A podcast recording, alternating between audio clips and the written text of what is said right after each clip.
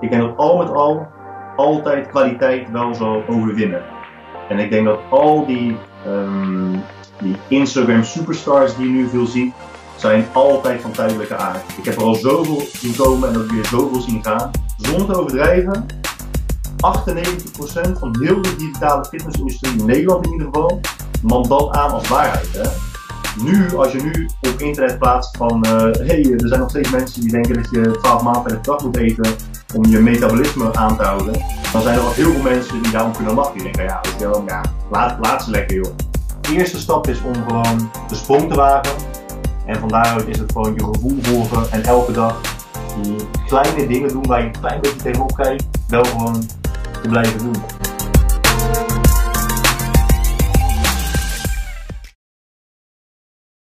Ja, welkom. Uh, interview sessie van uh, Fit Gewoonters met uh, de one and only Guy Droog. Guy Droog. Guy Droog is personal trainer op guydroog.com, waar hij met zijn team personal training geeft en ook voor blogt en vlogt. En hij is mede-eigenaar van Perfect Performance Sportsclinics en medeoprichter van Fit Zonder Fabels.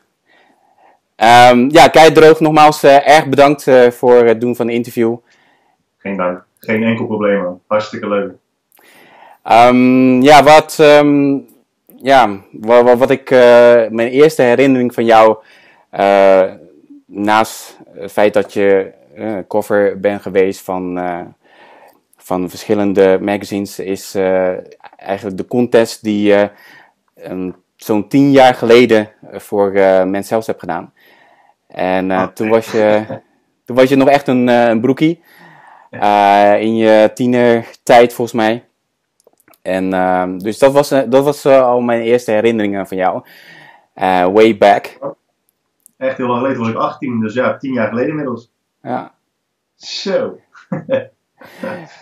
dus, dus, um, dus ja, daar ken ik je eigenlijk in eerste instantie van. En uh, toen ben jij ja, eigenlijk uh, uh, nog wat meer in de fitness gaan doen. Uh, ben je eigenlijk van je hobby je, je, je, passie uiteindelijk en, en, en je werk gaan maken.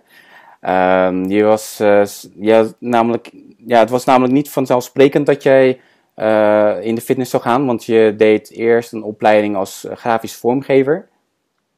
Ja, ik heb inderdaad nou, tenminste, ik heb me eerst in eerste instantie aangemeld voor grafisch vormgeving. Mhm. dat was destijds een vierjarige opleiding op het Grafisch Lyceum. Ja. Alleen toen kwam ik er dus achter dat ik ook desktop publishing kon gaan doen. En desktop publishing was drie jaar. En wat ik eigenlijk altijd al wist dat ik voor mezelf wilde beginnen, dacht ik, weet je wat, vak uh, uh, grafisch vormgeving van vier jaar. Ik ga voor de desktop publishing van drie jaar. Is korter en dan kan ik daarna gelijk voor mezelf starten. Mhm ja, zodoende dus inderdaad voor desktop, desktop publishing gekozen, op een negentiende afgestudeerd. En toen uh, ja, eigenlijk vrijwel gelijk voor mezelf begonnen in de grafische industrie. En dat heb ik uiteindelijk nog steeds vier jaar gedaan. Om een heel lang verhaal kort te maken. Ja, ik heb het inderdaad uh, gelezen, want je hebt onlangs een, een zeer boeiende, interessante interview gedaan met mkbbelangen.nl, ja, als ik me niet vergis. Ja. En uh, toen uh, gaf je dit inderdaad ook al aan. Ja. En, um, en ja, dus je hebt uh, echt met, met, met tientallen, en ik had zelfs even gelezen, met honderden mensen, bedrijven gewerkt in de grafische ja, werk of gebied. Ja, volgens mij had ik net geen honderd opdrachtgevers toen ik ermee stopte. Mm -hmm. Dus ja, ik, ik, weet niet wat het veel is, maar het, het voerde destijds wel eens heel veel. Ja. Heel veel pijn komt daarbij kijken. En toen, um, ook tijdens je werk, uh, ja, was je heel erg bezig met fitness als grafische uh, vormgever. Um, als, ik me niet, uh, als ik me goed kan herinneren, um, ben jij in 2008 begonnen met, je, met het schrijven, met bloggen over fitness? Of het is 2010? Uh, dat, weet de, de dat weet bijna niemand van mij, maar ik heb, ik heb verschillende blogs gehad over verschillende onderwerpen. Ja, dat las ik inderdaad. Ja, dus ik ben wel uh, voor mijn eerste fitnessartikel online kwam, ben ik wel al gestart met bloggen. Maar als het goed is, is mijn eerste blogartikel voor fitness is verschenen in oktober 2010, geloof ik. Ehm, maar ja, het was, het was altijd gewoon een hobby. Ik deed er een beetje naast. Maar mijn, mijn droom was altijd, zelfs nog tijdens het doen van grafisch vormgeven, ik wilde altijd sportschool-eigenaar worden. Oké. Je hebt op de basisschool heb je snuffelweek, heet dat geloof ik. En dan moet je een week lang moet je stage lopen ergens. En dat was voor mij groep 7 of groep 8. En toen liep ik ook stage bij een sportschool. Ja, dus ik ben, ik ben eigenlijk al heel mijn leven inderdaad bezig geweest met fitness. Ik, een van de eerste cadeautjes die ik kreeg van een, eh, een buurman vroeger, waren van die groene kleine dumbbells, weet je wel, stond ik heel de dag in mijn huis, stond ik uh, dumbbell curls te maken. Mm -hmm. Dat was hartstikke leuk, vechtsporten. Ik had een hele grote bokzak in huis, waar mijn ouders echt niet blij mee waren. Ik had een hele kleine kamer, er een bokzak van 110 kilo uh, van het plafond naar beneden. Mm -hmm. Maar ik zijn niet blij mee. Maar ik was, ik was er altijd mee bezig. En toen inderdaad dacht ik van ja, misschien is het wel leuk om daar iets, iets over te schrijven. Mm -hmm. uh, omdat ik vond dat uh, de meeste mensen die spraken heel erg uh, zwaar over fitness, weet je. Dat Ja. Iedereen nam het veel te serieus. dus ik begon een beetje in Jip en Janneke taal te schrijven. En dat vonden mensen op de een of andere manier heel erg leuk. En toen dacht ik, nou misschien moet ik dit vaker doen. Dus het was niet echt, het was niet echt een bewuste keuze om van mijn hobby of mijn passie mijn werk te maken. Dus ik ben er gewoon heel erg ingerold omdat ik herkan, kansen herkende. Ja, om iets uh, anders te doen en op een andere manier de fitness te benaderen en te belichten. Ja, precies. Ja, ja inderdaad. En ik denk dat dat wel goed is gelukt. Mijn allereerste artikel was volgens mij uh, een checklist voor beginners. Tien dingen die je moet voorkomen op zo'n sportschool. Mm -hmm. En volgens mij maakte ik daar wel grap in. En dat mensen dachten, oh ja, weet je, je bent wel de eerste die het een beetje benoemt. Uh, dat merk je heel vaak als je blogt. Dan zeggen mensen heel vaak, dat is precies wat ik denk. Dat is precies hoe ik erin sta. Um, en eigenlijk moeten die mensen dat ook gewoon schrijven. Want nu ben ik degene die dat geschreven, maar dat best moet iemand anders kunnen doen. Ja, nou maak je wel mij nieuwsgierig. Ik bedoel, uh, ik heb het namelijk zelf niet gezien, en, uh, maar uh, zeker interessant. wat, wat, wat waren bijvoorbeeld de meest interessante items in die checklist die, die je... Vraag, ja. Dan zou ik hem gewoon erbij moeten pakken, want dat is echt heel lang geleden. Maar ik maakte daar volgens mij wel een paar grapjes in. Kijk, even kijken. Ik heb hem nu toevallig voor me gelijk. Mm -hmm. uh, bijvoorbeeld nummer 1 is voeding verwaarlozen. Dat mensen te veel gewicht gebruiken. Dat soort zaken. Slechte uitvoering. Uh, trainen met de verkeerde partner. Dus dan maak ik een grap over dat, uh, dat je traint met een partner die een, een wandelende gratenzak is. En die alleen maar in Prada shirtjes in de gym komt, komt uitsloven. Nou, dat soort grappen vonden mensen destijds wel heel leuk. Ja. Um, en hier bijvoorbeeld in 2010, punt 8 is, er bestaat geen binnenkant borst, omdat heel veel trainers en, en mensen die naar de sportschool gaan, binnenkant borst willen, trainen. Maar zo zie je maar, dat, dat, dat benoemde ik in, in 2010. En nu zitten we in 2017 en nog steeds zijn mensen binnenkant borst aan het trainen. Dus uh, ja, hè, zoveel, zoveel vooruitgang hebben we niet gemaakt sinds 2010. Nee, het, uh, wat jij ook... Um want uh, de FIT, uh, um, jouw e-book uh, Feit of Fictie.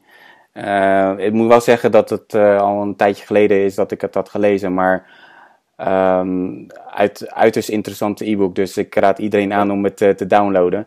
Ook al is het al 10.000 plus keer gedownload. Dus langzamerhand is het al redelijk bekend onder de fitnessmensen.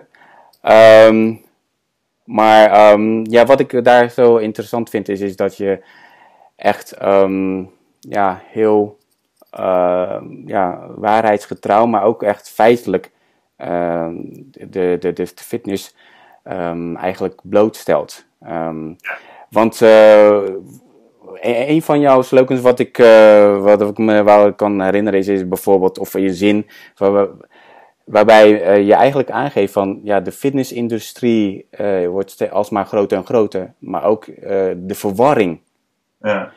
En ja. dat is wat ik zelf ook zelf erg uh, zie terugkomen. Uh, er is steeds meer informatie um, en ja, er is steeds meer kennis uh, bereikbaar, maar de verwarring wordt ook alsmaar groter. Ja, dat komt ook omdat um, mensen houden van saamhorigheid. Hè? Die willen, willen graag ergens bij horen. Mm -hmm. En er is helemaal geen, geen grens om je aan te sluiten bij de fitness community, bij de online fitness community. Ja. Het enige wat je hoeft te doen is een Instagram account aanmaken en je hoort bij de online uh, uh, fitnessstroming. Mhm. Daardoor is het voor mensen zo makkelijk om gewoon een Facebook-account te openen, een Instagram-account te openen en te zeggen dat ze fitness-expert zijn en gewoon informatie de wereld in te helpen. Kijk, vroeger, als je, vroeger, in 2010, als je googelde, was de kans gewoon onwijs groot dat je op mijn blog terecht kwam. Want er waren niet zo heel veel alternatieven. Ja. Ik heb het al heel vaak gezegd, en als ik ernaast zit, moet iemand me daar zeker op aanspreken. Maar volgens mij waren er gewoon helemaal geen fitnessblogs die in je, uh, in je taal schreven. Ehm, maar nu, als je op fitness zoekt, of als je zoekt op uh, hoeveel eiwit moet ik nemen, dan krijg je echt miljoenen resultaten. En het, dat is niet per se erg. Een overvloed aan informatie is niet erg. Mhm. Maar het is wel dat het allemaal tegenstrijdig is van elkaar. Ja. En als mensen dan het eerste artikel lezen in hun resultaten en ze horen A, en als ze dan artikel B lezen, of het tweede artikel lezen en ze horen B, ja, dan denken ze, ja, wat is het nou, A of B? En dan heb ik alleen maar over twee verschillende sites. Als je dan ook kijkt op al die fitnessprofielen, ja, en het lastige is ook gewoon uh, dat mensen die kijken vooral naar hoe je eruit ziet. Ja. Je hebt zoveel fit girls die hebben hartstikke, hartstikke mooie billen. En dan worden ze gelijk als expert gezien op het gebied van mooie billen bouwen. Ja. Terwijl het is, ja kijk, omdat je het hier op je schermpje hebt, denk je dat het binnen handbereik is, dat iedereen dat kan krijgen. Um, en ook omdat het hier op je schermpje is, lijkt het alsof iedereen het heeft. Maar als je het procentueel bekijkt, hoeveel vrouwen daadwerkelijk zo'n bil hebben ten opzichte van alle vrouwen die trainen, ja, dat is 0,00001%. En die zijn dan toevallig ook nog fitness-expert. Ja, dus die, ja, die kunnen zo makkelijk hun mensen informeren. Ja, dat deed ik ook wel. Maar ik vond het concept van mensen kritisch na laten denken ook heel belangrijk. Omdat je dan, ja, dan help je mensen toch meer op de lange termijn. Als je mensen leert nadenken, kritisch leert nadenken, weten hoe ze uh, informatie op waarde moeten inschatten, daar hebben ze gewoon op de lange termijn wat aan. Je kan wel tegen iemand zeggen van ja, je moet het zo en zo doen. Maar als ze niet begrijpen waarom, of als ze dan de volgende keer iemand uh, tegen een wijf aanlopen die iets anders zegt, dan ja, zijn ze vaak ook snel overtuigd. Dat soort zaken hou ik me wel allemaal een beetje, een beetje mee bezig. Ja. Ja, het, eh, ja wat, wat je ook al aangaf. Um, kijk, mensen die, die gaan echt puur of heel vaak, en zeker op social media gebied, te vaak uh, puur op de uiterlijk alleen af. Ja. En, um, maar ja, zie jij dat als een net voordeel of een, nek, een, een net uh, nadeel? Uh, want ja, zij brengen namelijk ook meer aandacht uh, van de mensen. En waardoor de fitness interesse ook groter wordt. maar ja, wat je namelijk ook ziet, en dat, dat weet jij als geen ander, denk ik, is dat bijvoorbeeld ja, mensen die net een één keer een fitnesswedstrijd hebben meegedaan en opeens gelijk zich als een coach gaan promoten. Ja. Um, zie jij dus al die negatieve invloeden, of die, die ja, wat meer, ja, heel kort door de bocht gezegd, bot gezegd, oppervlakkige aandacht, trekkerij. Uh, en, mensen die, die, die één keer een fitnesswedstrijd hebben meegedaan en gelijk zich verkopen als uh, fitnesscoach. Uh, zie je dat als een net voordeel of een ne negative? Ik zie dat wel als een negative. Het, ja, jouw argument was net kort van het, het, brengt wel meer aandacht naar de sport fitness. Mm -hmm. ja, ik weet niet eens of dat een voordeel is. Je kunt natuurlijk stellen dat het een voordeel is omdat mensen daardoor meer gaan bewegen en dat is positief voor de gezondheid. Ja. Aan de andere kant neemt obesitas ook alleen maar meer toe. Hè, dus of het daadwerkelijk invloed heeft in, de, in het grote geheel, durf ik niet te zeggen. Er zijn meer, meer manieren om mensen te laten bewegen dan ze uh, te pushen door te laten zien van hey, kijk eens hoe lekker ik ben, kijk eens naar mijn sixpack. Jij kan dat ook. Aan de andere kant, ik kan, ik kan die mensen ook geen. Ik, ja, ik, ik neem ze niet kwalijk. Ik mhm. bedoel, als jij businessadvies moet aannemen van iemand die in een Porsche rijdt of in een uh, Fiat uit 1972, ja. ben je gewoon heel snel geneigd om naar iemand te luisteren die een Porsche rijdt. Uh, omdat je gewoon de onlogische. Ja, ik snap ook wel dat als jij er goed uitziet en je vindt fitness leuk en je plaatst jezelf op Instagram en je merkt dat je er veel aandacht voor krijgt en misschien wel fitnessschema's kunt verkopen, waarom zou je het dan niet doen? Ja, de meeste mensen zijn. De meeste mensen zullen commercie altijd boven integriteit uh, plaatsen. Dus die zullen altijd hun ziel verkopen, die zullen altijd liegen. Uh, um, on, onrealistische verwachtingen creëren om maar geld te verdienen. Uh, zeker de jongere, jongere, ja, jongere mensen die hebben, zijn eerder geneigd om dat te doen, denk ik. Ja, tenminste, zo ervaar ik dat op, op Instagram. Ja. Dus al met al zou ik niet zeggen dat het, dat het positief is. Het is ook heel lastig om voor mensen die wel in het vak zitten, omdat ze mensen graag willen helpen, Mhm. nog steeds ja, het hoofd boven water houden, wil ik niet zeggen. Ik denk nog steeds, laat ik het zo zeggen, de conclusie, ik denk dat al met al altijd kwaliteit wel zal overwinnen. En ik denk dat al die, ehm, die Instagram superstars die je nu veel ziet, zijn altijd van tijdelijke aard. Ik heb er al zoveel zien komen en ook weer zoveel zien gaan. En je moet toch een bepaalde mentaliteit hebben, een bepaalde insteek hebben om het op de lange termijn te redden. Ja. En wat gebeurt er bijvoorbeeld als Instagram weg zou vallen? Hè? Het zou zomaar kunnen dat je over eh, een jaar of misschien wel vijf jaar de nieuwe Instagram krijgt. Mhm. En dan zijn die personen die 100% van hun business hebben gericht op Instagram, straks weer helemaal niks. Dus ja, Nee, de, de cream eh, always eh, goes to the top, zeg ik maar. Dus wat dat betreft, eh, kwaliteit, eh, dat eh, is altijd houdbaar. Ja. En, ehm, ja, en hypes en, en, en, en, en, en mensen die, die even voor de quick buck gaan, ja, dat, dat zal je altijd hebben. Maar die zullen ook vroeg of laat verdwijnen. Dus ik denk dat... Juist omdat je nu op, op Instagram heel veel mensen die niet alleen fit zijn, maar ook, waarvan het ook lijkt alsof ze heel veel geld hebben, wordt de men- mentaliteit van de jonge generatie heel erg gestimuleerd om snel geld te verdienen. Ja. Want we zijn sowieso ons geduld verloren. Hè? We hebben geen geduld om een goed lichaam te bouwen, geen geduld meer om een goed eh, bedrijf op te bouwen, geen geduld meer om geld te verdienen, geen geduld meer om eh, vrouwen of mannen aan de haak te slaan. Ja, gewoon heel die sociale omgeving die we hebben zorgt er gewoon voor dat we steeds minder geduld hebben. We willen steeds alles nu en meer en nu en meer en sneller en sneller en sneller. Ja. Daar val je mee door de mand. Uiteindelijk, ja, daar ga je het echt niet mee redden. Dat is een, een droomwereld die je jezelf aanpraat. Mhm. Nee, inderdaad. En ehm, nou, wat ik wel heel eh, mooi vind aan jou is, is, is dat ehm, ja, je, ten eerste, eh, je, je wil echt eh, op een hele andere manier jezelf profileren. En een heel goed voorbeeld daarvan is bijvoorbeeld wat, jij, wat wij in de fitnessindustrie heel vaak zien, is, is before-after. Ja, Eh, ja, daar ben jij uiterst voorzichtig mee. Eh, zuinig, moet ik eigenlijk beter zeggen, mee. En ja, dat, daar heb jij een hele specifieke reden voor. Eh, Ja. Ik heb het al een keertje gelezen. En daar sta ik ja, volledig achter. Het is gewoon heel anders denken en anders doen. Ja. En dat vind ik heel knap van jou. En heel, ja, noemenswaardig. Omdat eh, het, het is niet makkelijk om heel anders te doen en te denken. Vooral te doen. En, en nog een heel ander voorbeeld, of nee, niet, sorry, niet heel ander voorbeeld, maar eh, in, in dezelfde lijn moet ik zeggen, is eh, het eh Faya Laurens dieet. ja, Ja, dat is nu alweer een, pak een weg, een maandje geleden, maar toen werd je ook gevraagd om een mening te geven. Ja. Eh, ja, en, en, en ik kan me nog goed herinneren, je hebt maar één video eh, erover gemaakt met als reactie, ik wil er geen reactie over geven. ja, ja. Ehm, Dus ik vind, ik vind het heel knap, eh, sorry hoor dat ik je even onderbreek, maar ik, ik vind het zo super knap dat je heel dicht bij jezelf blijft ten eerste. En ten tweede, dat je een heel ander geluid wil geven en eigenlijk wat de mensen niet direct zouden verwachten. Ja, ja oké. Eh, even helemaal terug naar wat je in het begin zei. Ja. Dat ik mezelf anders wil profileren. Ehm, ik denk dat het wel belangrijk is om te zeggen dat ik, ik maak nooit een, ja, ik maak bijna nooit een bewuste keuze van ik wil mezelf zo profileren. Ik profileer mezelf gewoon eh, op de manier waarop ik echt ben. Mhm. En ik denk dat dat heel. Ik, het schijnt zo te zijn dat dat mij onderscheidend maakt. Mensen, als ze mij spreken, hebben ze vaak idee van: jij bent wel heel oprecht. Eh, Je probeert me niks te verkopen, je bent gewoon wie je bent.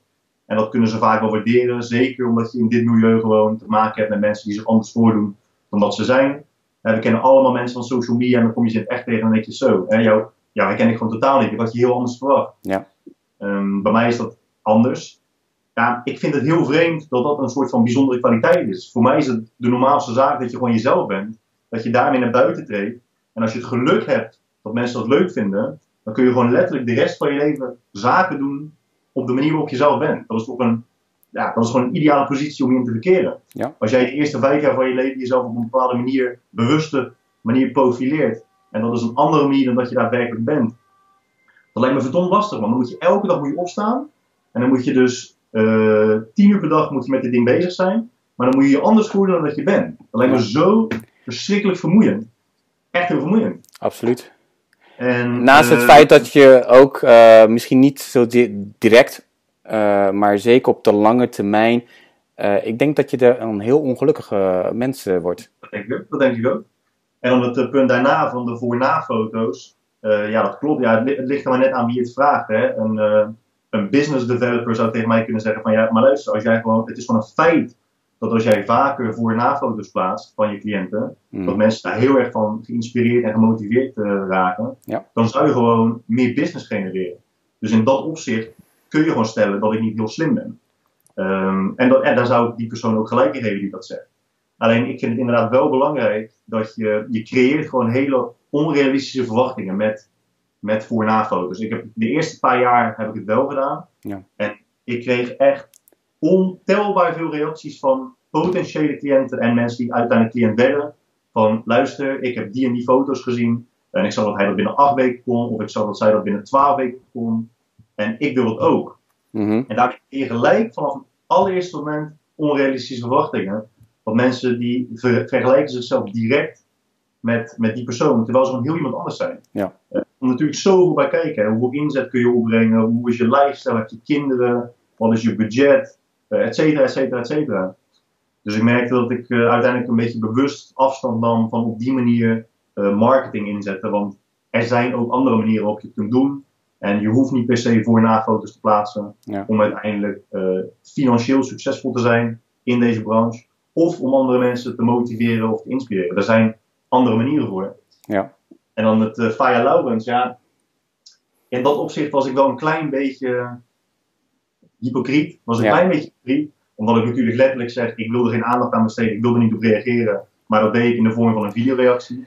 Alleen het, ja, het punt wat ik gewoon wilde maken is, weet je wel, als je iets belachelijk vindt en je geeft, en je geeft het aandacht, ja, dat is alleen maar voor- voor die persoon is dat alleen maar fijn. Ik bedoel, ik zei ook volgens mij in, in mijn reactie eronder, ik zei als ik iets zou doen wat mensen zo fucking dom vinden en daar massaal over zouden spammen op het internet, eerlijk is eerlijk, ik denk dat lange termijn zou denken, nice, dat was wel een goede zet.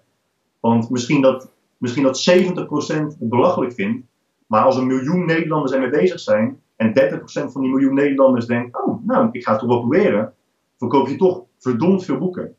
Dus uiteindelijk is de, is de beste reactie, denk ik, ja, gewoon geen reactie. En eh, je ziet het met alles. Neem de hormoonfactor, neem eh Bayesian bodybuilding, neem Chivo. Bayesian bodybuilding en Chivo zijn top trouwens, hè, maar ik noem gewoon even Ja. verschillende kamp- kampen waar mensen in zitten. Mhm. Iedereen trekt gewoon vaak naar een kamp toe, eh, blijft daarin zitten en dat is gewoon prima. Dus laat de mensen van Hormoonfactor, laat de mensen van eh Faya Laurens, van, hoe heet ze, eh, Sonja Bakker, laat ze allemaal gewoon in hun eigen cirkel eh, rondzwemmen. En ja, ja, ja, laat ze gewoon. Mensen die daadwerkelijk interesse hebben in andere inzichten, die komen vaak wel op het pad van eh, mensen als ik, of eh, Menno, of eh, Doan, of Ja. Chi, et cetera. Tenminste, Ja. daar geloof ik in. Misschien is dat naïef, maar ik denk dat het wel zo werkt. Ja, maar ik denk ook dat je niet per se ja, een groot percentage moet hebben om een goed draaiende ehm, ja, service of bedrijf te hebben. Want ja, kijk, wat, wat, wat, wat eh, bijvoorbeeld eh, Sonja Bakker eh, of eh Faya Laurens in dit geval doet, is, is ja, die wil echt de mainstream bereiken. Ja. En, en vooral met Faya, die is een public figure, dus die, ehm, die kan al vrij snel schakelen en, en een groot publiek bereiken. Ja. En voor haar is het heel duidelijk om, om gewoon op te vallen met een, een, een, een soort van crash dieet, zeg maar. Ja. En, en gewoon eh, de grote mainstream publiek te bereiken daarmee. Maar voor jou is het gewoon heel anders. Eh, voor jou, jij bent gewoon eh, heel specialistisch en heel eh, ja, ehm, specifiek bezig. En dus jij, ehm, ja, jouw, ehm, jouw publiek, jouw doelgroep is dan ook heel eh, specifiek en doelgericht. Ja. Eh, dus dat is een heel andere markt. En dat vergt dus Ja, ook een andere benadering, denk ik. Ik wil er nog heel even op inhaken. Ja. Want heel veel mensen stellen mij ook inderdaad de vraag: hoe bepaal je je doelgroep? Wat is jouw doelgroep? Ja. Ik, ja, ik heb dat heel vaak gezegd. Ik heb geen doelgroep. Ik ben gewoon echt letterlijk wie ik ben en trek daar een soort type persoon mee aan. En dat is niet per se uh, mannen tussen de 25 en 35 met x inkomen per jaar. Het zijn mannen van 20 tot en met vrouwen van 65 en alles ertussenin. Het is gewoon een type mindset die je aantrekt. Ja. En ik denk dat dat wel een heel belangrijk punt is waar mensen over na moeten denken. Want de meeste mensen beginnen inderdaad, oké, hoe ga ik mijn bedrijf noemen? Uh, hoe ga ik dit doen? Hoe ga ik dat doen? Welk logo ga ik maken? En wat is mijn doelgroep? Ik weet het niet, want ik, ik heb het nooit gedaan. Maar volgens mij is dat ook wat je leert bij veel opleidingen als het gaat om marketing, uh, business. Weet ik niet, maar ik kan me dat wel voorstellen Ja. dat je je doelgroep moet bepalen. Absoluut, avatar. Je avatar bepalen. Noemen ze dat Ja, ook wel ja. in het Engels? Ja, ja, en ik, ja, ik heb dat nooit gedaan en ik kan ook niet zeggen of dat goed is of slecht is. Maar voor mij heeft dat wel heel erg gewerkt. En ik denk zeker als je op de lange termijn wilt, wer- wilt werken met mensen eh, die eh, jou mogen voor wie je bent en jouw geld gunnen, jouw geld willen geven om wie je bent, dan denk ik dat zo'n aanpak misschien wel, eh, wel beter kan zijn. Ja, ja nogmaals, uiteindelijk gaat het om, om de persoonlijkheid. En ja, duidelijk dat jij ja, man van de persoon bent. Dus eh, graag eh, met eh, mensen werkt. En ook vooral heel reëel bent en goed de, de verwachtingen managt. Dus ja, daar valt veel voor te zeggen. En en ja, dat is ook de reden waarom je een goed lopende coachingpraktijk hebt. Daar misschien later nog wel wat over meer. Maar ehm, ja, ik wil even terugkomen op, ehm, op de mythes in de fitness. Ehm, want ja, daar ben je. Ja, dat, dat is, was eigenlijk misschien een van jouw eerste profilering bijna, als ik het zo mag zeggen. Ja. Want je wilde toch even ja, jouw ehm, ja, de, de, de, de waarheden verkondigen, zeg maar. En eh, meer evidence-based naar voren brengen. Mhm. Eh, geen BS, geen hypes. Eh, ja, want de fitness is natuurlijk eh, notorious eh, in zijn hypes en in Ja. zijn mythes.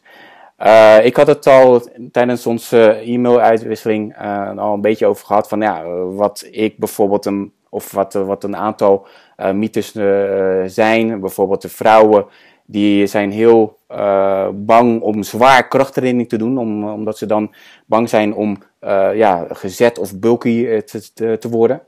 Er f- ja, ook vrouwen die, die, die, die denken dat ze andere oefeningen doen, moeten doen dan mannen. Of dat wordt zelfs eh, door coaches eh, of trainers gezegd. Ehm, daarnaast bijvoorbeeld, ja, de beste manier om af te vallen is om veel cardio te doen. Dat had ik al een paar eh, als, als, als, als mijn gedachten over de mythes. Maar eh, misschien kan je daar nog iets over vertellen. Maar eh, ik, ik vind het even interessant ook om te weten van wat is volgens jou op dit moment één of twee mythes die echt zeer hardnekkig zijn en die echt de wereld uit moeten worden geholpen. Ja.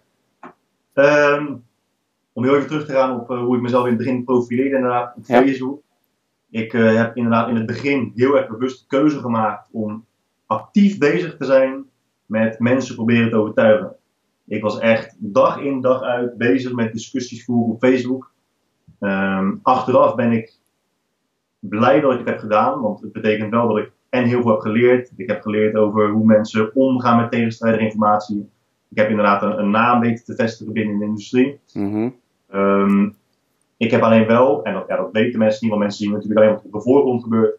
Ik heb wel destijds zoveel stress ervaren, want ik kon altijd.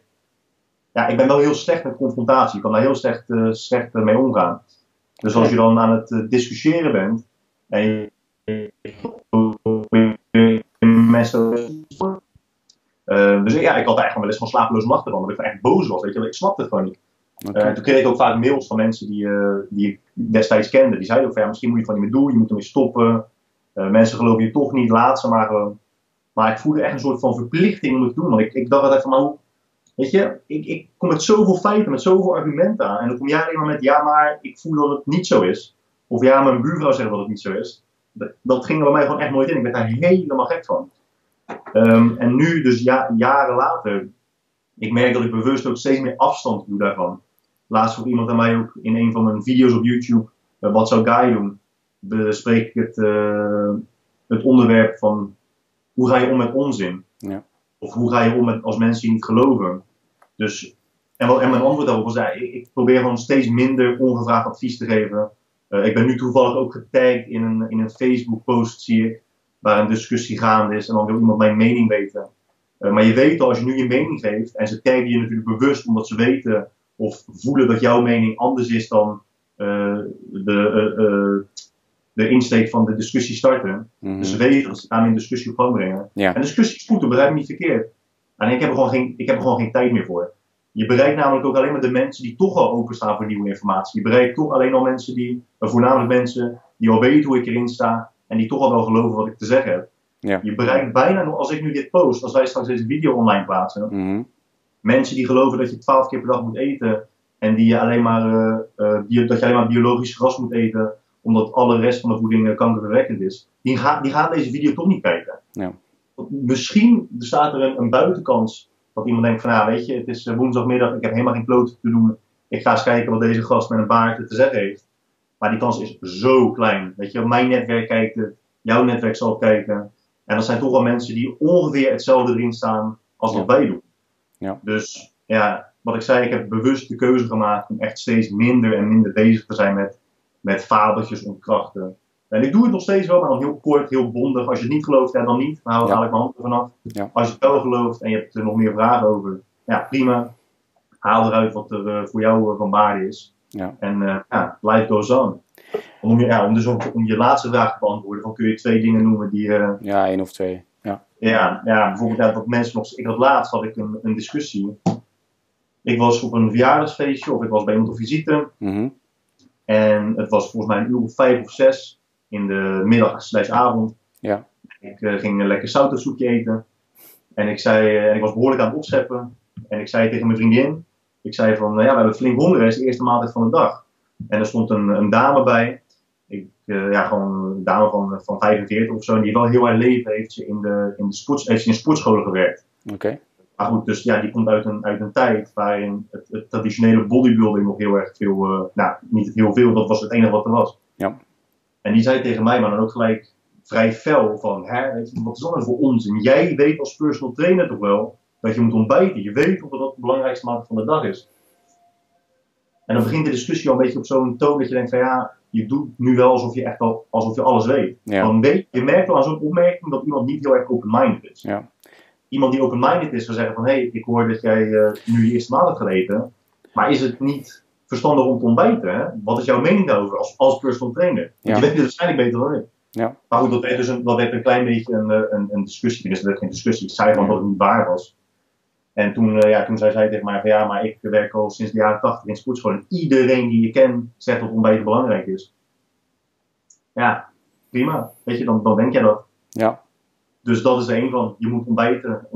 Ontbijten is de belangrijkste maaltijd van de dag. Ja, dat wil eh, elke cornflakes, on- eh, elk cornflakesbedrijf wil jij dat graag verkopen, ja, die, eh, die gedachte. Ja. En als jij dat gelooft, ja prima, dan blijf je lekker ontbijten. Dan blijf je lekker om 7 uur s ochtends opstaan met zulke wallen, omdat je denkt dat je per se moet ontbijten.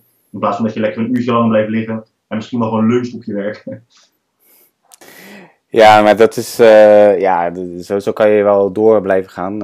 Al die eh clichématige gezondheids, ja, gezegdes bijna. Eh, of feiten, eh, zoals eh, ontbijt is de meest belangrijkste maaltijd van de dag. ja. Maar ja, die mensen die kennen het principe van ehm fasted training of intermittent fasting nog niet. Wat ja, de laatste jaren ook steeds meer in opkomst is. maar ja, dat zal je altijd krijgen. Ik bedoel, zij is duidelijk iemand van de oude stempel, de old school Ja. bodybuilding. En wat kleinschalige, ehm, ja, high reps, ehm, waarschijnlijk eh, manier van trainen. hmm. Dus ehm, nee, maar eh, dat, eh, ik ben blij dat je in ieder geval je, eh, ja, wat, het wat meer loslaat. Want het zorgt ook voor wat meer rust en insanity of sanity voor bij jou. Dus nee, maar eh, ja, ik, ik- ik kan me heel goed voorstellen dat jij als personal trainer eh, bijna dagelijks of dagelijks eh, eh, wel iemand eh, krijgt te spreken waarbij je denkt van, ja, zou ik nou hierop ingaan of niet? Hij besef je wel goed, hè, dat toen ik net begon in 2010, alles wat, wat nou oké, alle mythes, neem, neem heel mijn e-book, al die mythes die daarin Ja. staan, Mhm. zonder te overdrijven, 98% van heel de digitale fitnessindustrie in Nederland in ieder geval, nam dat aan als waarheid. Hè? Nu, als je nu op internet plaatst van, hé, hey, er zijn nog steeds mensen die denken dat je 12 maanden per dag moet eten om je metabolisme aan te houden, Ja. dan zijn er al heel veel mensen die daarom kunnen lachen. Die denken, ja, weet je wel, ja, laat, laat ze lekker joh. Destijds was dat er gewoon niet, hè. Als ik toen iets plaatste, het maakt niet uit wat het was. Of het nou gaat om ontbijten, of omdat je s'avonds laat kan eten. Of om eh, veel reps doen voor vetverlies en weinig reps voor, eh voor spiergroei. Ja. Het maakt niet uit wat je plaatste. 98% van de mensen die erop reageerden, die vond jou gewoon echt een de grootste mogol die ze ooit hadden leren kennen. En er waren er een paar bij die dachten, oh, misschien zit, daar- zit daar wel iets achter. Ja. En steeds meer en meer en meer, dat was een heel geleidelijk proces, gingen mensen dat steeds meer aannemen voor waar. Ik zeg helemaal niet dat ik daar de, de grondlegger van ben geweest, echt totaal niet. Dat moeten mensen niet verkeerd begrijpen. Ik ken alleen niet heel veel andere mensen die het, eh, die het ook deden. Chi natuurlijk wel, hè. Chi van Chivo doet het ook al echt 100 jaar volgens mij. Die man is een eh, wandelende encyclopedie. Dus ik kan me niet voorstellen wat hij heeft eh, mee moeten maken. Joh. Ik word al eh, ellendig bij de gedachte daarvan. Ja. Nee, maar in die zin eh, ja, plukt hij denk ik nu ook wel de vruchten van om een van de eerste te zijn, net als jijzelf. Ja. Ehm, waarbij je toch gewoon een, ja, bijna tegen de mainstream ingaat. Ehm, dus ja, daar, daarom sta je nu ook waar je nu bent. En ehm, ja, wat ik al, al, al zei, ehm, je blijft vooral heel dicht bij jezelf. Ja. En ehm, je wil gewoon op een andere manier ehm, ja, mensen informeren. Eh, je denkt anders en je doet anders. Dus dat vind ik gewoon nogmaals heel erg knap. Eh, in, een, ja, in een industrie die eh, eigenlijk abnormaal als normaal wordt gezien. Mm. En ehm, dus eh, ja, daarom is het ook gewoon heel erg refreshing. eh, om normaal te zijn.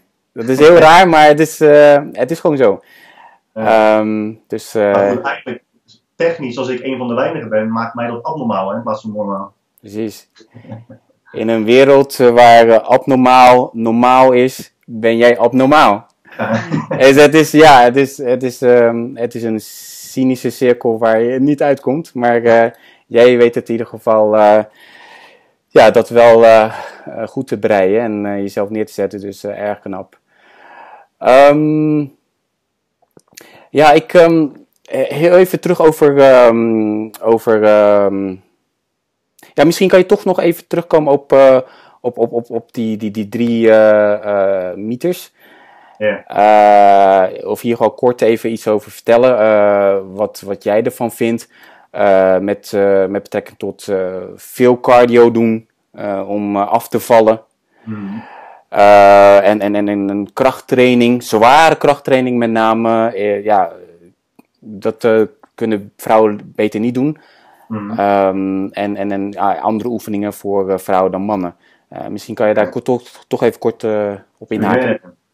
Eh, nou ja, dat je van, van meer cardio en veel cardio meer afvalt dan van minder cardio of geen cardio, is natuurlijk gewoon een feit. Hè? Hoe meer energie je gebruikt, Mhm. hoe, ja, hoe meer je zou kunnen afvallen, zolang je niet heel veel eet. Eh, is cardio nodig? Is cardio essentieel voor afvallen? Dat sowieso niet. Een negatieve energiebalans is een negatieve, negatieve energiebalans.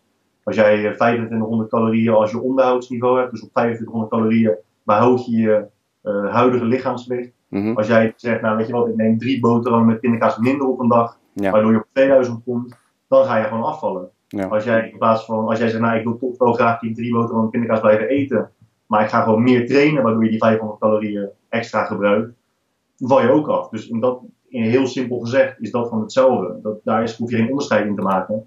Het is dan puur voor jezelf van, ja, wat vind jij makkelijk? Ja. Eh, het kan ook zo zijn dat jij in, in voorbereiding naar een wedstrijd al op 1000 calorieën per dag zit.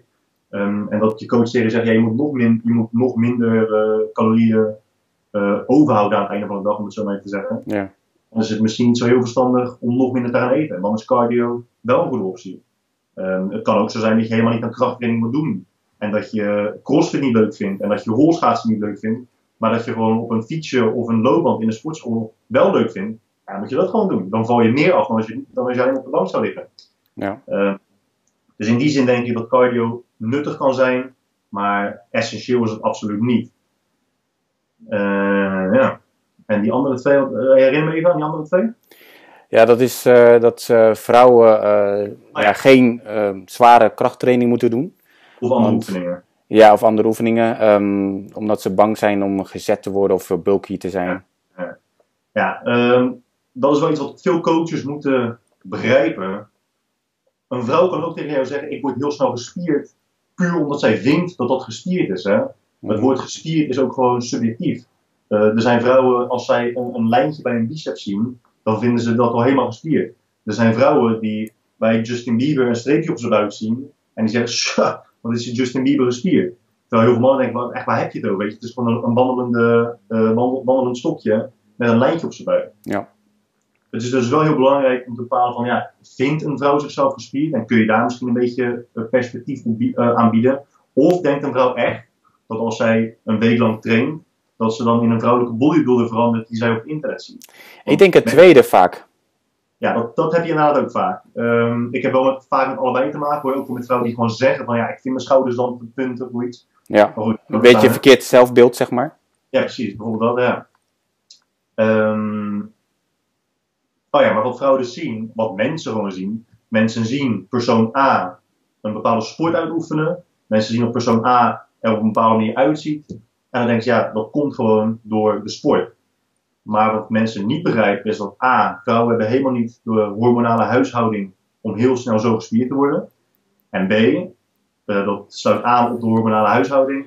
Vrouwelijke bodybuilders, mannelijke bodybuilders, die allemaal op een podium staan wat eigenlijk gewoon een moderne freakshow is, hè? niet negatief bedoeld, maar mensen komen wel echt om een soort van freaks of nature te zien, gebruiken altijd anabole steroïden. Altijd. Want niemand gaat naar een bodybuilding show waar vrouwen, vrouwelijke bodybuilders er allemaal uitzien zoals je buurvrouw en mannelijke bodybuilders er allemaal uitzien zoals je jongere broertje die net een week traint. Ja. Mensen willen gewoon echt bizarre fysieken zien. Ja. En daar is gewoon drugs voor nodig. Zo simpel is het. Tuurlijk. En zolang je het niet doet, word je nooit, ever, nooit in je leven zo gespierd als dat zij zijn. Ja, je doet gewoon niet mee als je het niet zal doen. Uh, nou ja, je met... kan meedoen, maar dan sta je wel behoorlijk voor ja. Nee, want uh, ja, je doet mee om in ieder geval uh, op het podium in de top te gaan staan. En niet om ja, als Jan Joker daar te staan. En, en, ja, dus als je het niet doet, ja, dan tel je gewoon niet mee tijdens zo'n wedstrijd. Dus ja, dan genoeg zijn er wel echt best wel veel mensen, daar verbaasde ik mezelf ook behoorlijk over. Hmm. Er zijn nog best wel veel mensen die meedoen aan de sport echt puur voor zichzelf. Die willen echt zien hoe ver ze kunnen komen, hoe droog ze kunnen zijn. Ja. Dat vind ik op zich wel heel netjes, want ik, wij zeggen altijd van tevoren als wij een wedstrijd atleet begeleiden van wil je winnen?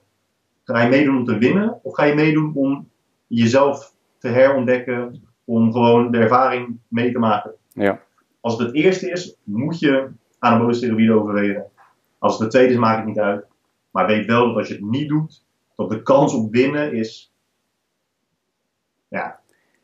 Ja, is, is eigenlijk niet. Uh, als we gewoon heel reëel zijn. Precies. Dus. Um... Oh, en nog sorry, ik had je laatste vraag. Of ze andere oefeningen moeten doen? Nee, ook niet. Ja, een spier is een spier.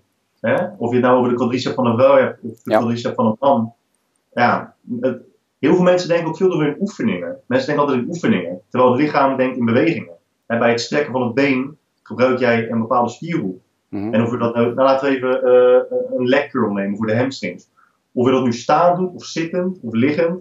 Je gebruikt nu gewoon je hamstring. Hè? Je brengt je hak breng je naar je kont toe. Ja. Dus je traint gewoon je hamstring. En heel veel mensen denken dan van, ja, maar als ik hem staand doe, dan pak ik mijn rechter hamstring. Als ik hem liggend doe, dan pak ik de aanhechting en mijn linker hamstring. Maar dat is gewoon niet hoe het lichaam werkt. Ja. Dat is echt heel simpel. Het Ja. lichaam werkt in bewegingen en niet in oefeningen.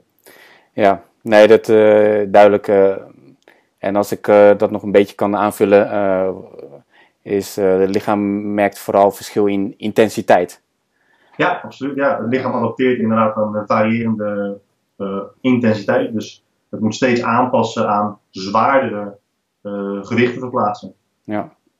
Of dat nou met een. ehm, natuurlijk is de bewegingsvrijheid en de, de, de, de, de, de ROM natuurlijk en techniek uh, natuurlijk anders als je een squat doet of een leg press. Maar als je allebei met dezelfde intensiteit doet, dan geef je in principe de, de spier, in dit geval het meeste de quadriceps, toch de, ja, dezelfde impuls. Absoluut, ja. Als jij, als jij één beenoefening zou doen, mm en je doet alleen maar squats een jaar lang, aan het einde van, die, van het jaar, als zolang je sterker en sterker en sterker bent geworden, dan zijn je benen gegroeid. En als je dat met een leg press zou doen, is dat gewoon precies hetzelfde. Ja, ja duidelijk. Ja, dankjewel voor, um, voor deze inzichten. Um, wat, um, even terugkomend op de, de interview van, uh, want, want uh, toen ik dat las, uh, MKB Belangen interview heb ik het over. toen ik dat las, toen ja, vroeg me af, toen, je had het over, je komt niet uit een ondernemingsfamilie. Mm en um, je ouders die waren, of die zijn uh, zelf geen ondernemers. Maar um, ja, er werd toch wel regelmatig over gesproken. En vooral had je aangegeven, nou, uh, ik leerde vooral wat ik niet moest doen. Hmm. Uh, wat, wat, wat, wat, me even afvroeg toen ik dat las, is, is van Um, Oké, je komt niet uit een ondernemersfamilie, maar je bent super ondernemend voor zover ik het uh, kan beoordelen. Uh, en je wist al vrij jong af aan dat je iets voor jezelf wilde doen. En um, ik vroeg me af van, ja, wat, wat hebben je ouders dan uh, geleerd? En ten, ten eerste eigenlijk, um, wat, wat doen je ouders? Is een diepe vraag die je stelt, man. Ik heb hem ook echt nog nooit eerder gesteld gekregen. Ik heb het er eigenlijk ook nog nooit echt uh, over gehad. Online of, uh, of uh, offline. Ja, offline wel iets meer, maar... even kijken, hoe ga ik deze goed beantwoorden? um, inmiddels woont mijn moeder woont in het buitenland. Mijn moeder, heeft, mijn moeder is een intelligente vrouw, slimme vrouw. Alleen om, door haar taalbarrière, ze komt uit Israël. Okay. En ze is 25 jaar geleden is ze naar Nederland gekomen. En ze heeft dus altijd gestruggeld met de taal. Uh, ondanks dat ze daar een hele goede opleiding heeft genoten in Israël, heeft ze van hier, ja, ze heeft, moest altijd onder haar potentie werken. En dat heeft uh, 15 jaar lang bij de CNA gewerkt. En dat vond ze gewoon, los van de leuke collega's die ze misschien had, elke dag naar je werk en elke dag naar de CNA gaan, vond zij gewoon echt verschrikkelijk. Okay. Uh, mijn vader die heeft heel zijn leven lang, die werkt al heel zijn leven lang in de bloemenveiling, dus import-export van bloemen. Nederland staat erom bekend, hè, Aalsmeer bijvoorbeeld. En hij komt al heel zijn leven lang om vier uur ochtends uit bed. Elke dag al 25 jaar volgens mij.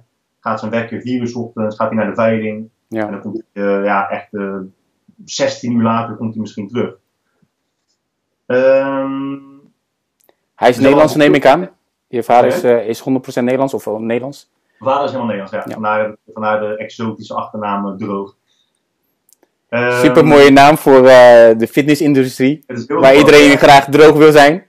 Ik bedoel, beter profilering kan ik niet verzinnen. Ja, het is wel heel gepast inderdaad. Super. Uh, we hebben altijd heel, nou, mijn ouders hebben altijd uh, in het verleden heel veel schulden gehad. die hadden het financieel heel erg zwaar. Mijn vader verdiende gewoon echt helemaal, nou, gewoon bijna niks. Hmm. mijn moeder die had vroeger in ieder geval, toen ze nog niet bij de CNA werkte, ja, werkte ze niet. Toen was ze moeder van twee kinderen. Ja. Dus financieel hebben we het altijd lastig gehad. Maar we zijn nooit iets tekort gekomen. Hij zei, ja, het is niet, je kunt zeggen dat het verstandig is of niet. Maar zij bouwden bewust nog meer schuld op om ons alles te kunnen geven.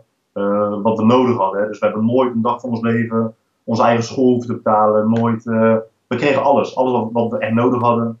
Plus een beetje meer. Um, maar goed, ja, ik denk wel dat mijn ondernemersgeest is wel denk ik aangeboren. Niet zozeer aangeleerd. Ik denk dat je dat, dat, je dat wel echt van je geboorte af aan een klein beetje moet hebben. Ja. Het moet sowieso in je zitten. Ja. Het kan ook zijn dat je het op latere leeftijd pas ontdekt. Maar het moet altijd een beetje in je hebben gezeten. Uh, en ik denk dat mensen die twijfelen of ze het zijn of niet, mensen die twijfelen of ze een eigen onderneming moeten starten of niet, ik denk dat zij van binnen wel ondernemers zijn. Maar dat gewoon die angst, weet je wel, die je over de jaren heen meekrijgt, je wordt natuurlijk door de maatschappij en ook door je ouders en je familie geconditioneerd om een bepaald pad te bewandelen.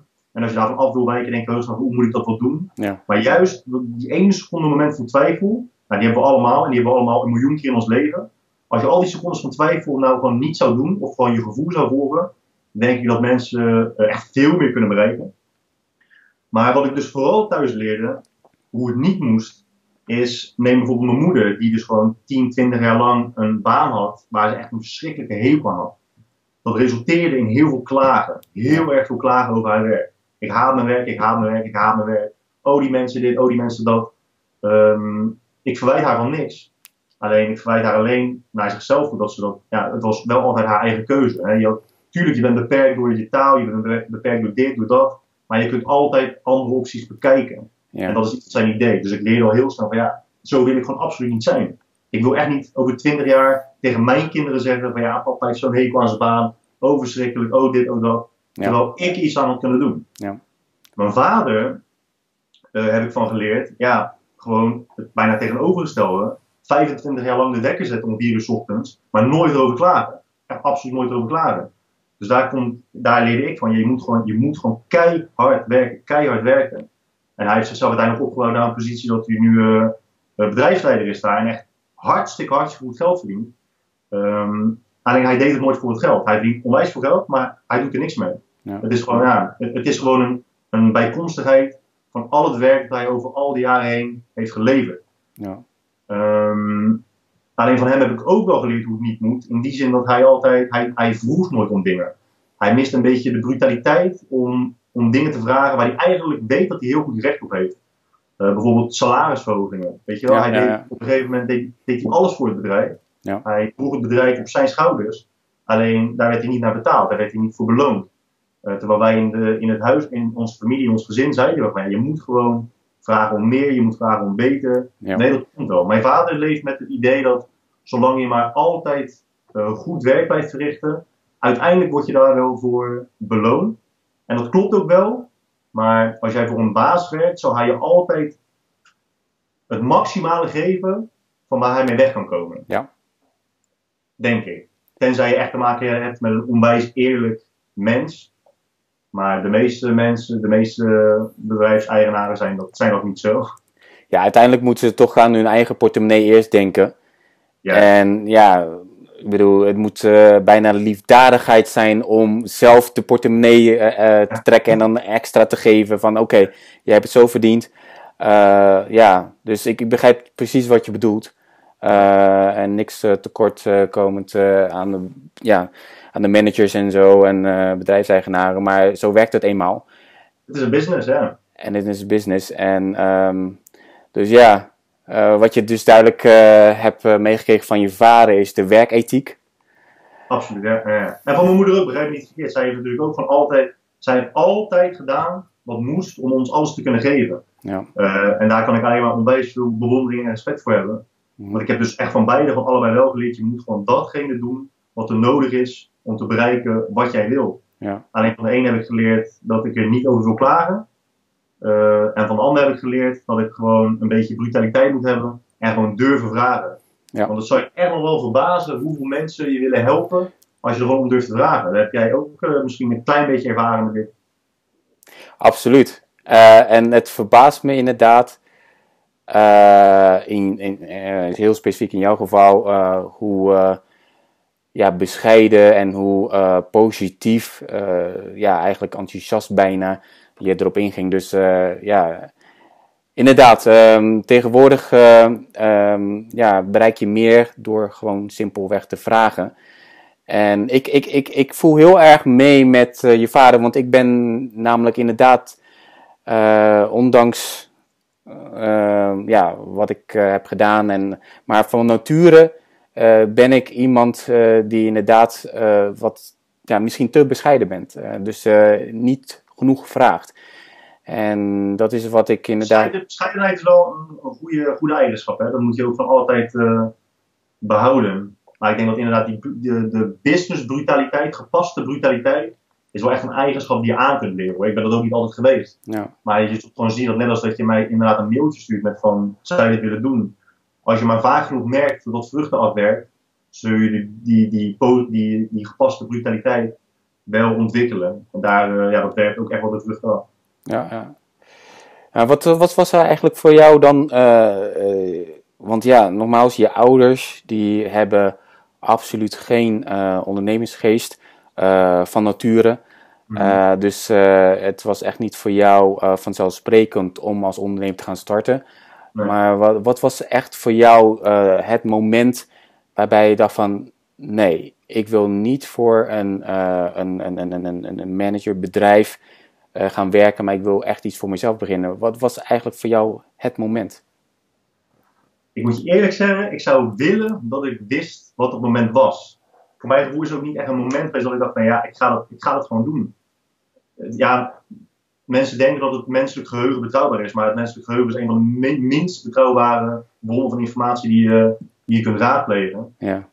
Gevoelsmatig, uh, als ik nu terugkijk op mijn, op mijn jeugd, is het er gewoon heel langzaam bij ingeslopen. Ik begon ook met als hobby grafisch vormgeven voor mensen. Als iemand, een, als iemand een poster nodig had, dan maakte ik met liefde een poster en dat werk werd gewaardeerd. Het is, iemand vraagt iets, iemand heeft iets nodig, jij levert iets en er is direct waardering voor naar jou toe. Als je bij een baas werkt, maak ik een poster en mijn baas die stuurt het naar de klant en de, de, de baas die krijgt er uh, complimenten voor en die krijgt er geld voor. Um, dus gevoelsmatig had ik altijd al heel snel idee van ik wil die tussenpersoon wil ik eruit halen. Ik wil gewoon direct met mensen kunnen werken. Ja. Ik was heel vaak bezig met computers, aan computers sleutelen, uh, computers sneller maken.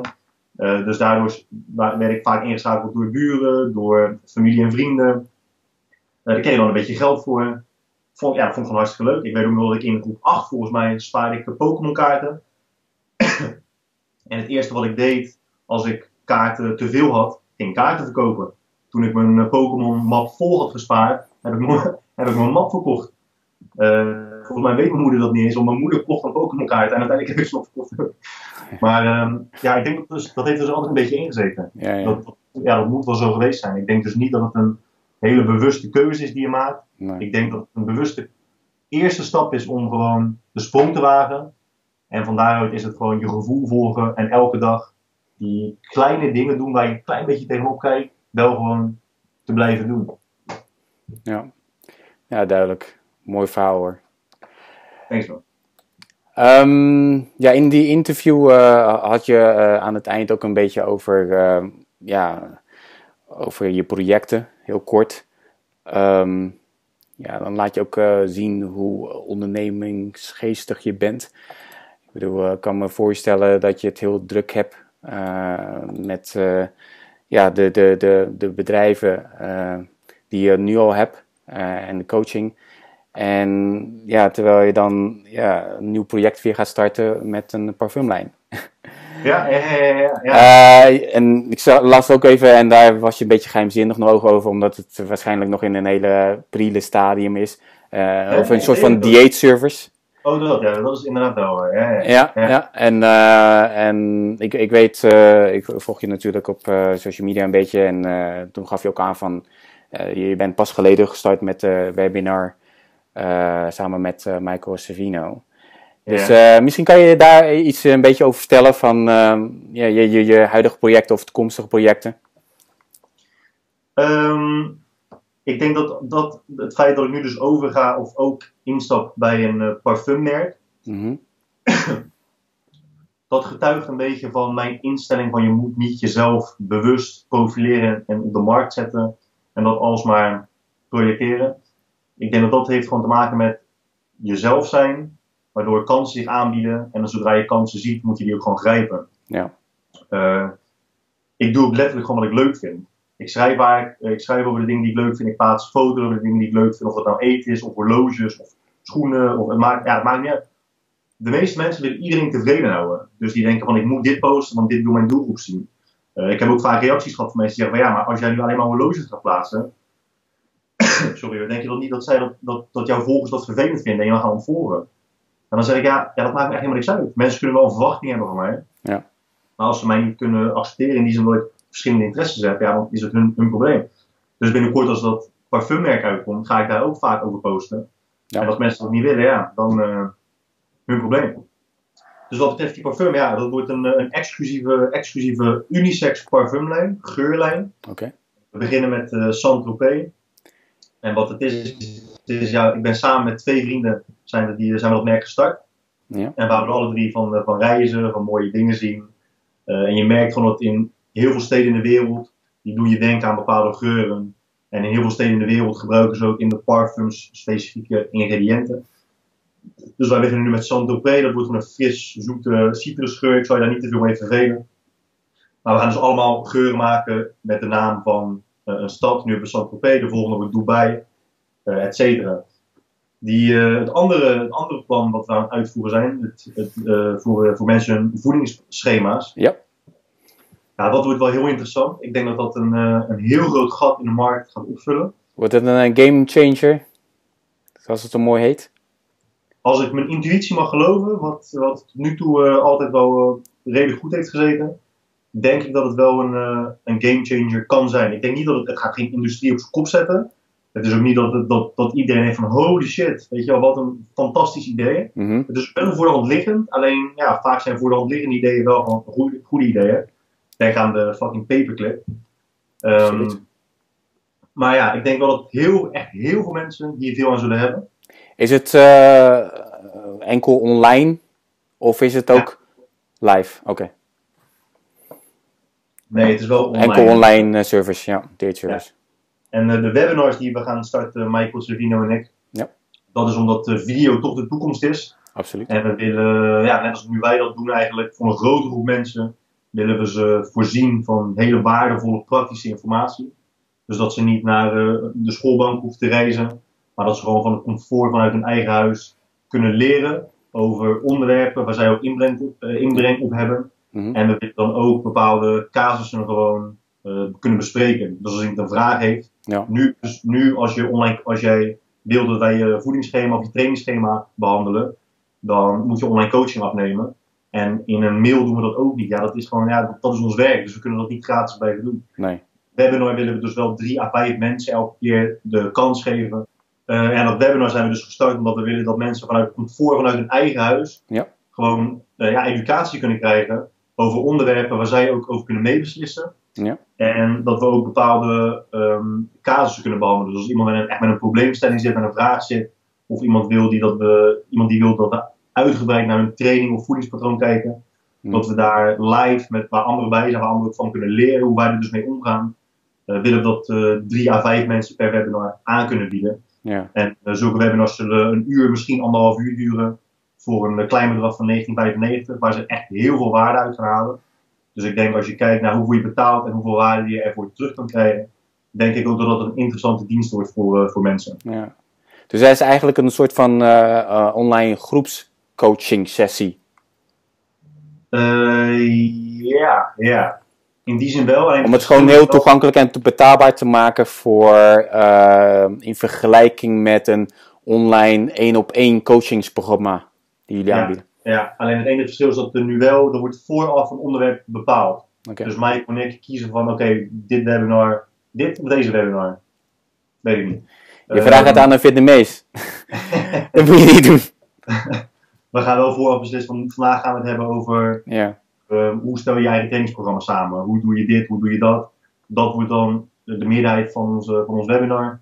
En dan daarna gaan we over op een aantal hele gedetailleerde, eh, diepgaande vragen. Oké. Cool. Ja, jullie hebben onlangs eh, jullie eerste gratis webinar gehouden. Ja. En wanneer is jullie eerste volgende ja, betaalde? Eh, nou, we hebben nog geen gratis webinar gehad. Dat, eh dat Oh, moet ik excuus. even corrigeren. Excuus. We hebben, nou, maakt niet uit. We hebben, we hebben aangekondigd dat we het binnenkort gaan geven. Mhm. En dat wordt waarschijnlijk volgende maand. Ik denk mid tot eind maart. Ja. Dan gaan we dus voor het eerst aankondigen dat mensen kunnen inschrijven voor, voor ons webinar. Oké.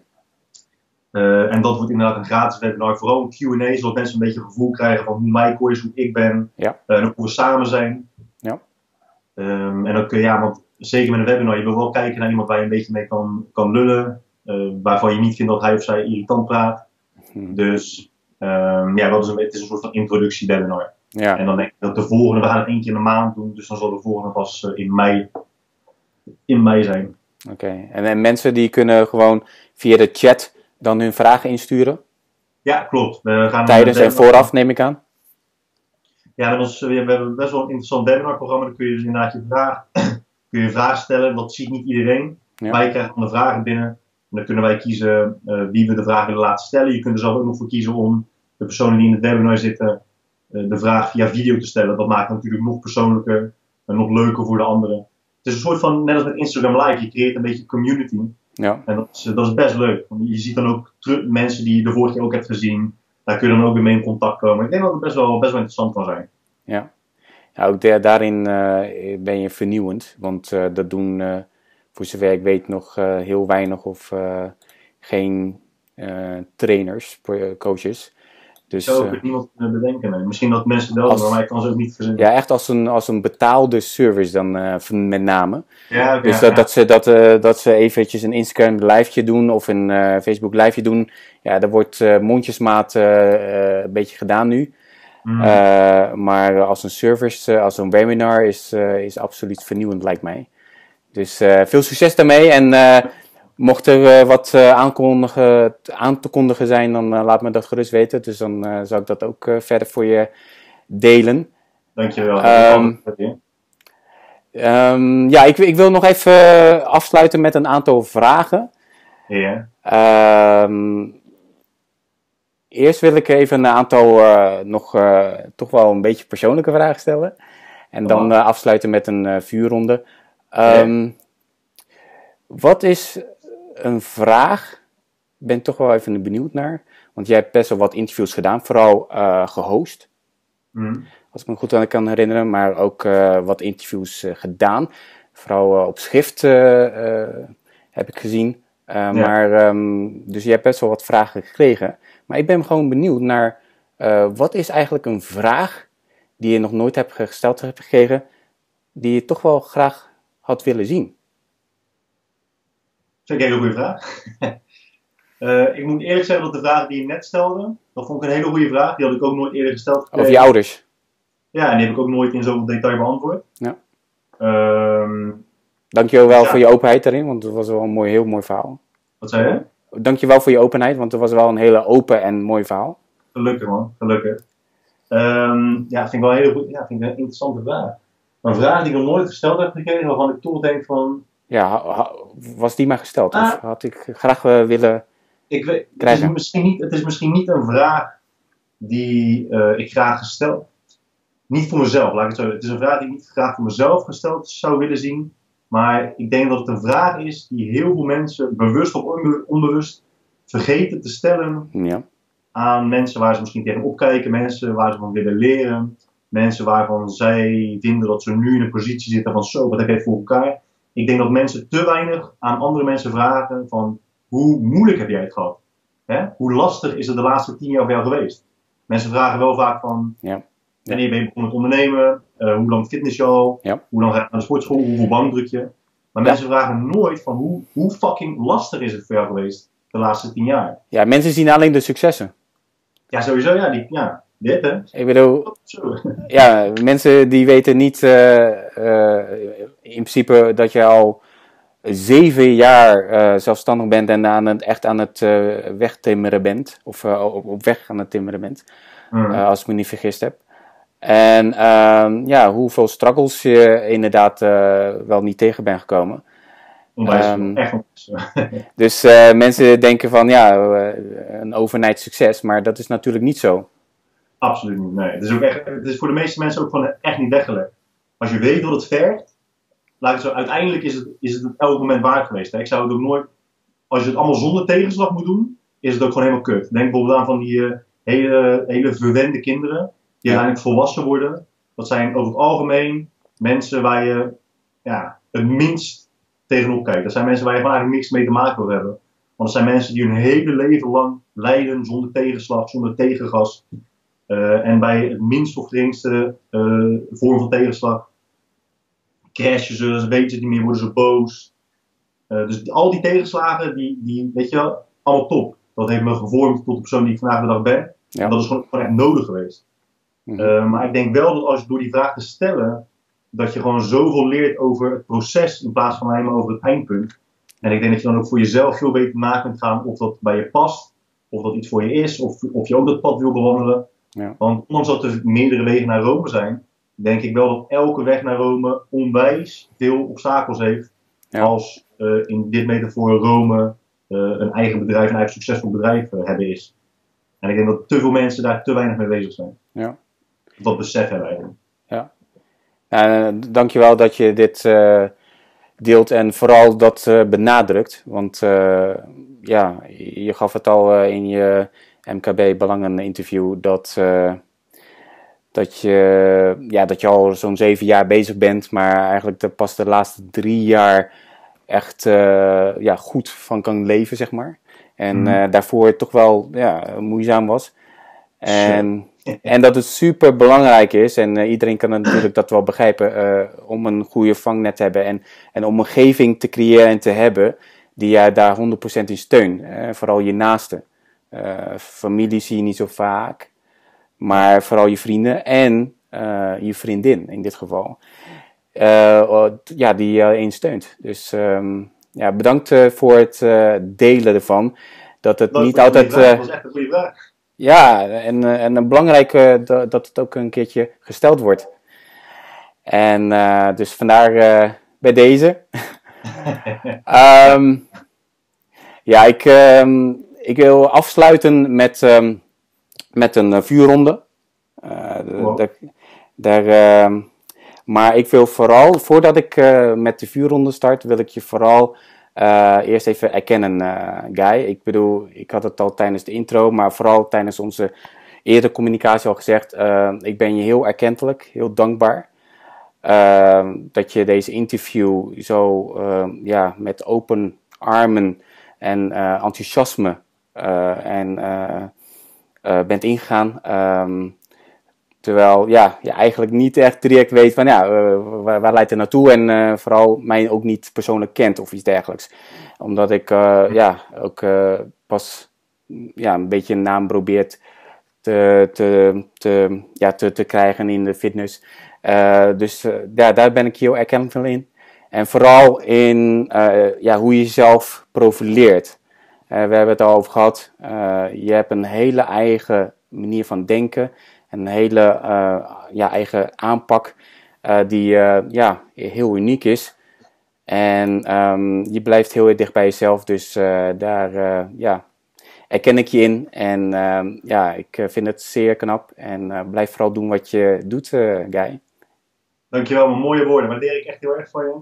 En nogmaals, het is echt een kleine moeite. Het is geen probleem ik zou mezelf voorliegen als ik zou doen alsof ik uh, mezelf boven jou plaats. Hè. Ik, denk niet dat ik, kijk niet op jou neer van, oh jij bent net begonnen. We zijn gewoon gelijk en ik help je ook gewoon als, uh, als gelijk persoon. En ik hoop echt heel erg dat je gewoon uh, ook beseft dat je vanaf nu wel een hele lange weg te gaan hebt. En dat het een moeilijke weg is. Maar dat als je gewoon door blijft zetten en de juiste stappen maakt, de juiste keuzes maakt, de juiste mensen om je heen, om je heen weet te verzamelen, dat je dan heel ver kan komen. Man. Ja. Ja, voor mij is het uh, met, met betrekking tot uh, mijn site, met betrekking tot uh, de interviews. Um, ik, ik, wil zelf, en dat ben ik ook niet, en zo wil ik mezelf ook niet zien, een expert. Mm wat mijn doel is, is gewoon om mijn passie te delen met anderen. en dat is health en fitness. Mm En om eigenlijk de connect te zijn en, en, en mensen de expert te brengen. De experts te brengen. Heel slim, heel slim. Uh, dus dat is mijn, mijn doel en uh, hoe ver ik het breng, ja, dat maakt mij niet uit. Uh, het is, gaat om de, uiteindelijk de, de journey, de process. Mm. Als, het, als ik het gewoon leuk voor mezelf hou, dan hoop ik dat het gewoon overkomt naar de anderen, of naar de mensen, sorry. Mm. En dan ja, kan dit heel ver komen en, en lang duren. Ja. Dus dat is mijn doel uiteindelijk.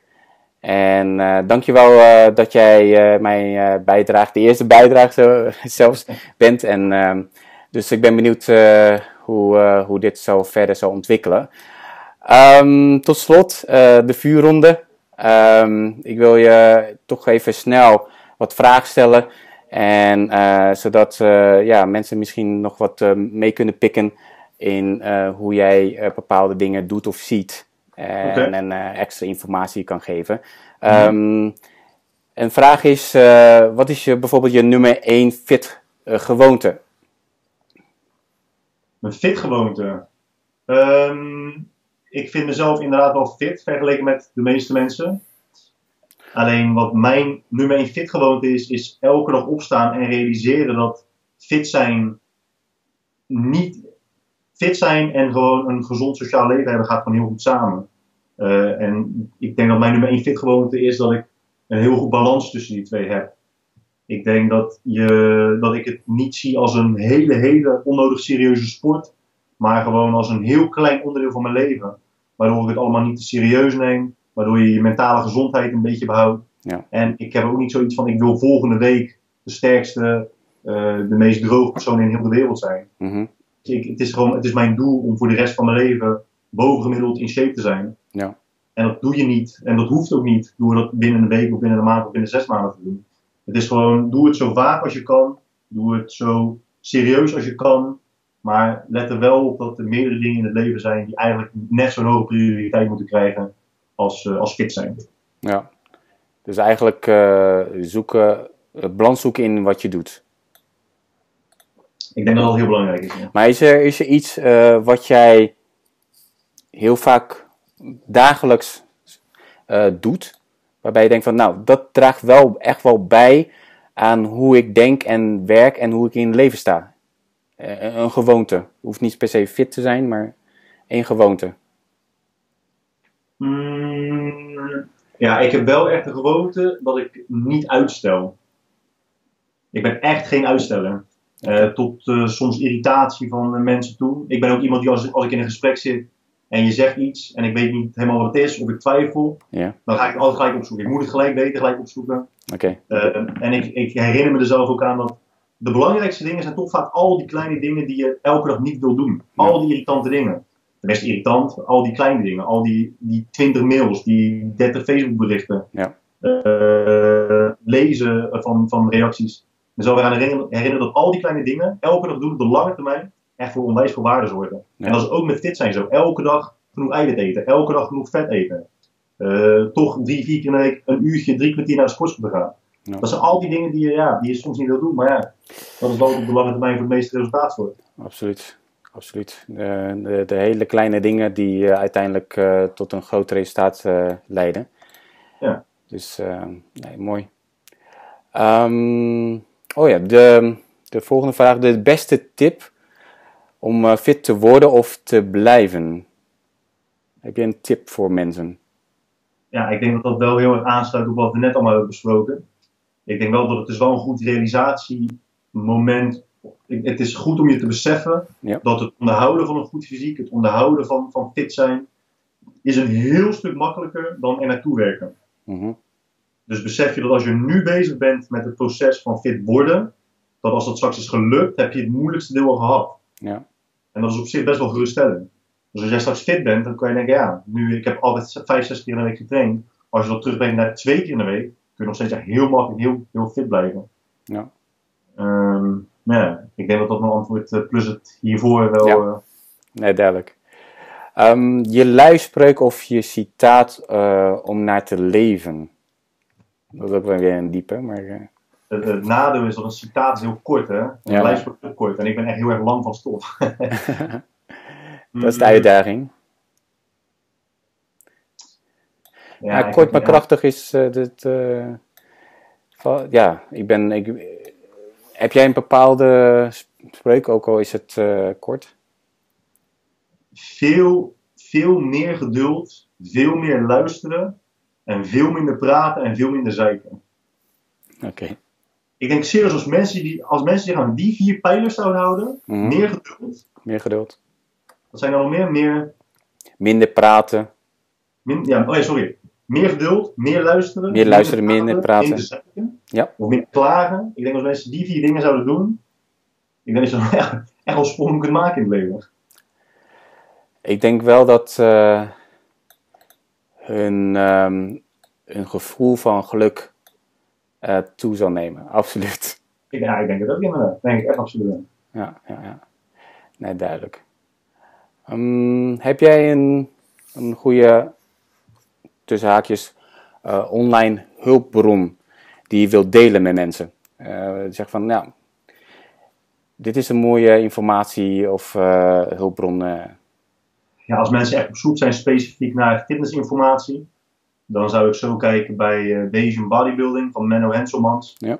Menno, Mens, kijk, wat jij net zei, jouw doel is om de, de, de consument als het ware en de expert te verbinden. Ja, Dat is, dat is, dat is top, hè? Je hoeft, je hoeft niet je eigen content te genereren. Nee. Want wat heel veel mensen doen, is dat ze mythes die al 80.000 keer besproken zijn, gaan ze als startende ondernemer gaan ze weer bespreken. Weet je, het is informatie die honderdduizend keer wordt gerecycled. Ja.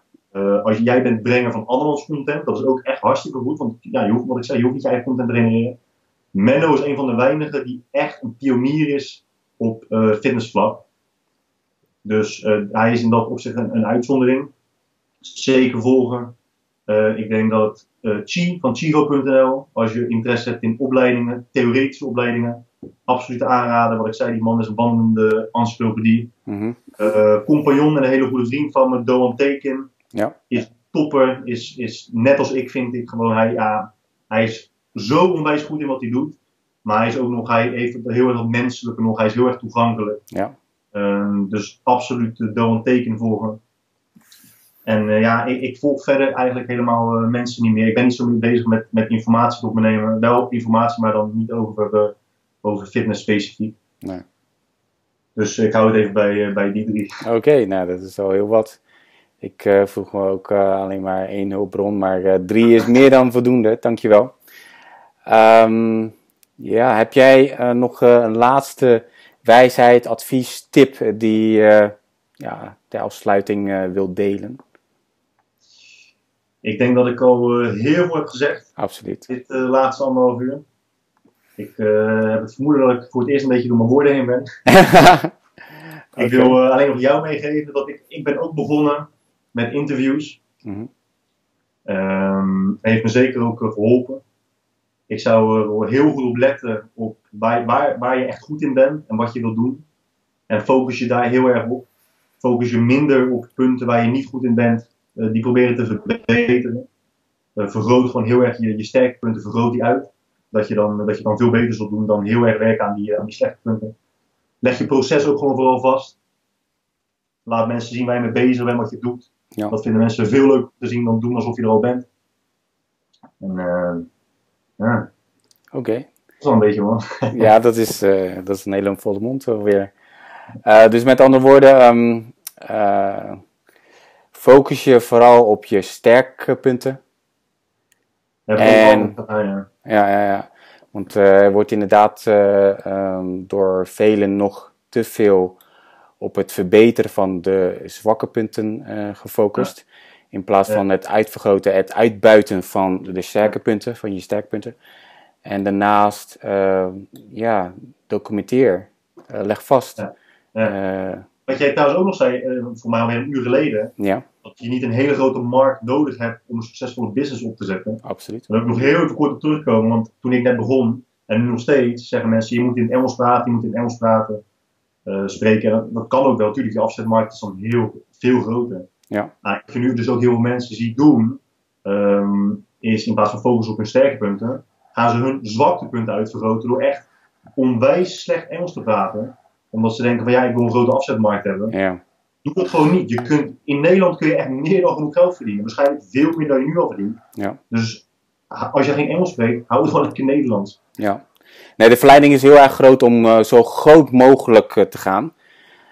Uh, omdat je dan denkt van ja, ik pak dan een veel groter deel van de markt. Maar ja, de kracht zit hem ook in, in de specifiekheid. denk ik. Ja. in, en vooral in je focus.